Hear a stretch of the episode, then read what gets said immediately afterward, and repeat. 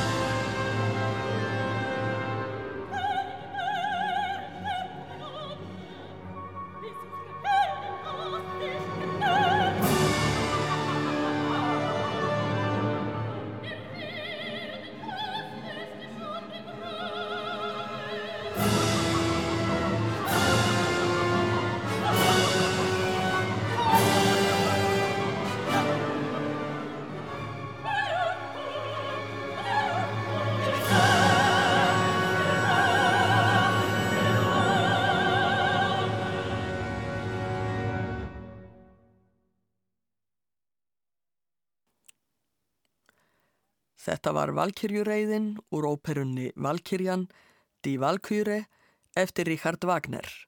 Í hlutverkum Valkyrjanna voru Matita Napier, Linda Kelm, Reinhild Runkel, Rúthild Engert, Merlin Mims, Diane Kessling, Meredith Parsons og Ann Wilkins. Hljómsveit Metropolitan Óperunan Lék og James Levine stjórnaði. Valkyrjurnar eru af guðlegum uppruna og mætti halda að þar skildi á milli þeirra og Amazónana en raunar voru hinnar síðanemdu einnig sagðar skildar goðunum í mörgum fortgrískum sögnum. Tignustu Amazónurnar áttu samkvæmt þeim að vera dætur eða barnabörn hergvuðsins Aresar. Í valkyrjureiðinni hafa valkyrjurnar á orði að eina vandi í hópin, Brynhildi, en hún er einmitt aðalpersona óperunar. Hún hefur óhlýðnast óðni og þess vegna sviftir hann hana guðdómi sínum í lok óperunar og leggur á hana að hún skuli sofa árum saman umkringd vafurloga. Sá sem vekur hana verður eiginmaður hennar, eða það getur aðeins orði hlutskipti djarfrar hetju sem þorir að ríða vafurlogan. Í óperu Wagners Sigfrid eða Sigurður Fáfnisbani sem var frumsýnd í Bæraut 1876 segir frá því þegar Brynhildur er vakinn en það gerir hetjan Sigurður. Þegar Brynhildur vaknar syngur hún Hæl dýr sonni, heil þér sól. Þarna líkir Vagner eftir fornu eddukvæði, Sigurdrífu málum. Brynhildur er þar kölluð Sigurdrífa og þegar Sigurður vekur hana segir hún heil dagur, heilir dagsinir, heil nótt og nift. Við heyrum nú atriðið úr óperunni þar sem Brynhildur vaknar. Eftir að hún hefur heilsað sól og degi, beinist aðtikli hennar að Sigurði og þau verða umsvifa laust ástfangin hvort af öðru. Birgit Nílsson er í hlutverki Brynhildar en Wolfgang Vingassen syngur Sigurð. Fílharmoníu sveit Vínarborgar leikur og stjórnandi er Georg Solti.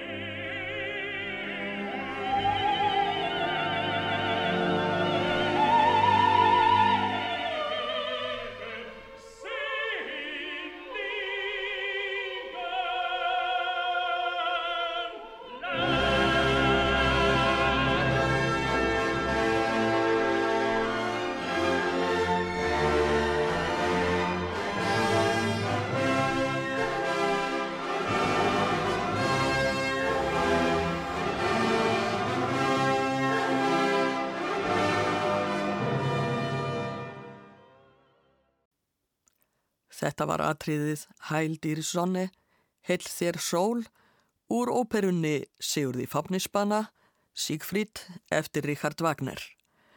Birgit Nilsson var í hlutverki Brynhildar og Wolfgang Windgassen í hlutverki Sigurðar. Georg Solti stjórnaði Fílharmoníu sveit Vínarborgar. Þá snúum við okkur aftur að Amazonunum úr hinnum fordgrísku sögnum.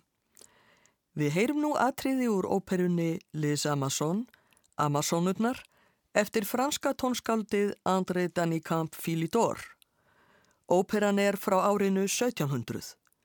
Fyrst kemur Mars, þá taka Amazonurnar Thalestris og Hippolyta við og hvetja hinnar til dáða. Lea Desandre syngur Thalestris og Veronique Jean er í hlutverki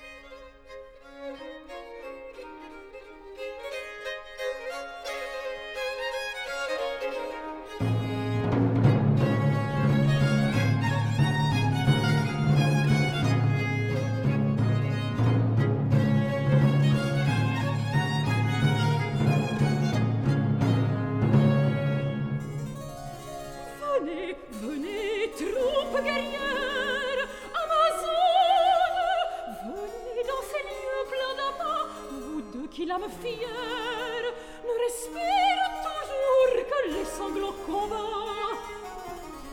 Venez, venez, troupes guerrières, venez dans ces lieux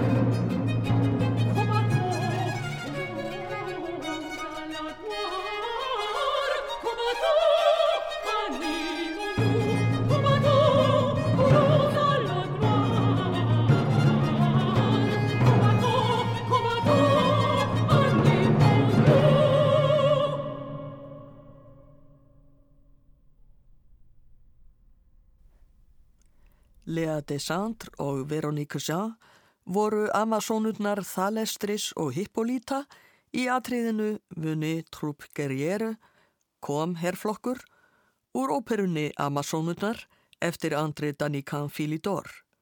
Júpiter hljómsveitin leik og Thomas Dunford stjórnaði. Árið 1699 var frumsýnd óperan Martesi, Premier Reine Martesia, fyrsta drottning Amazonana, eftir franska tónskáldið André Cardinal de Tousse. Hér verður nú flutt Arian Quelcou me reserve la gloire céleste, hvaða hörmung eiga himnavöldin eftir að senda yfir mig, úr fymtaþætti óperunar. Martesia er örvingluð, hún hefur frétt andlát ástvinnar síns og er ímist gagtekinn sorg eða reyði. Náttúran virðist enduróma ástand hennar og þrumur heyrast. Það er Lea de Sandre sem syngur.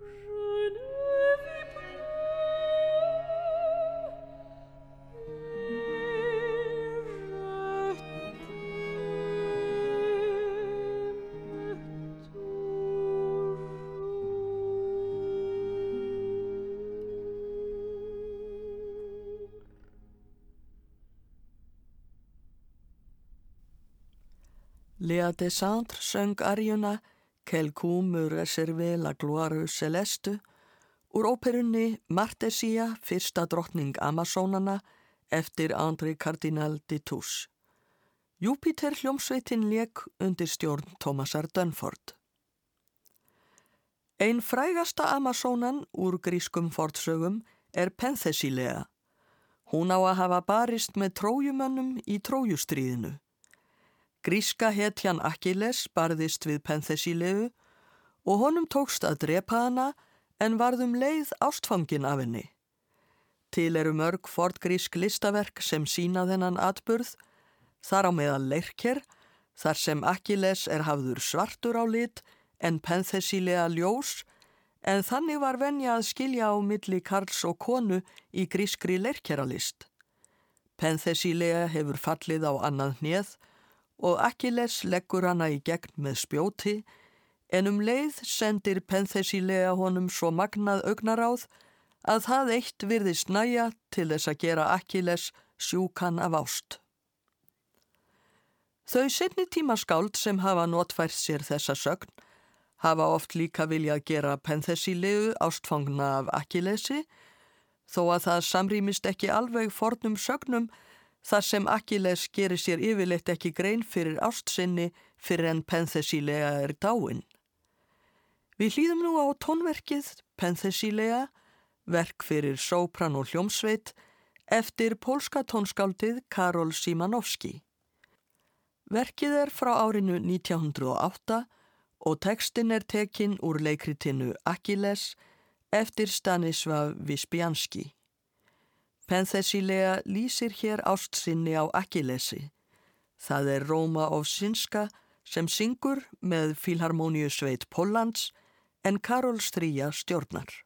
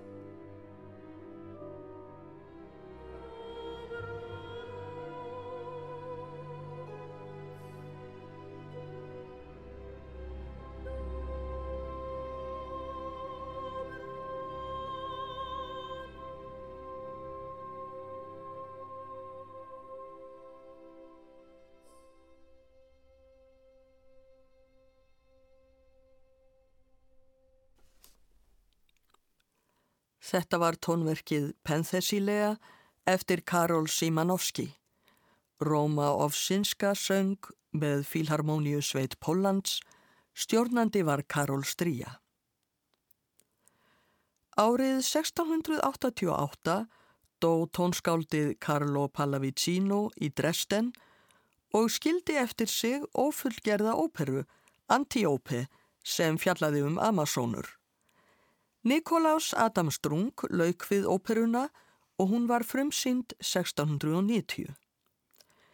Við heyrum nú arjuna Stenji Furori Barbari sem Selinda syngur í óperunni, en Selinda er í rauninni karlmaður og heitir réttu namni Ídaspes. Hann hefur dulbúið sig sem Amazónu til þess að geta verið nálægt konunni sem hann elskar og syngur hér um afbríðisemi sína.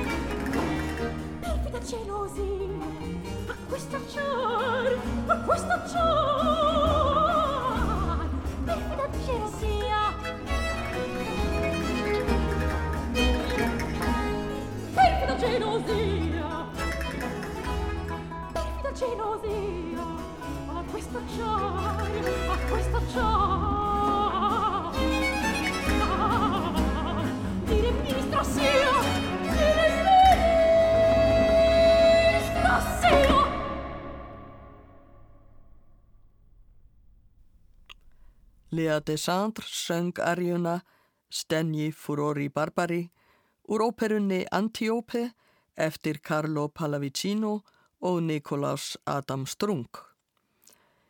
Við ljúkum þessum þætti með arju sem aðalpersona óperunar Antíópe syngur í lokaþættinum.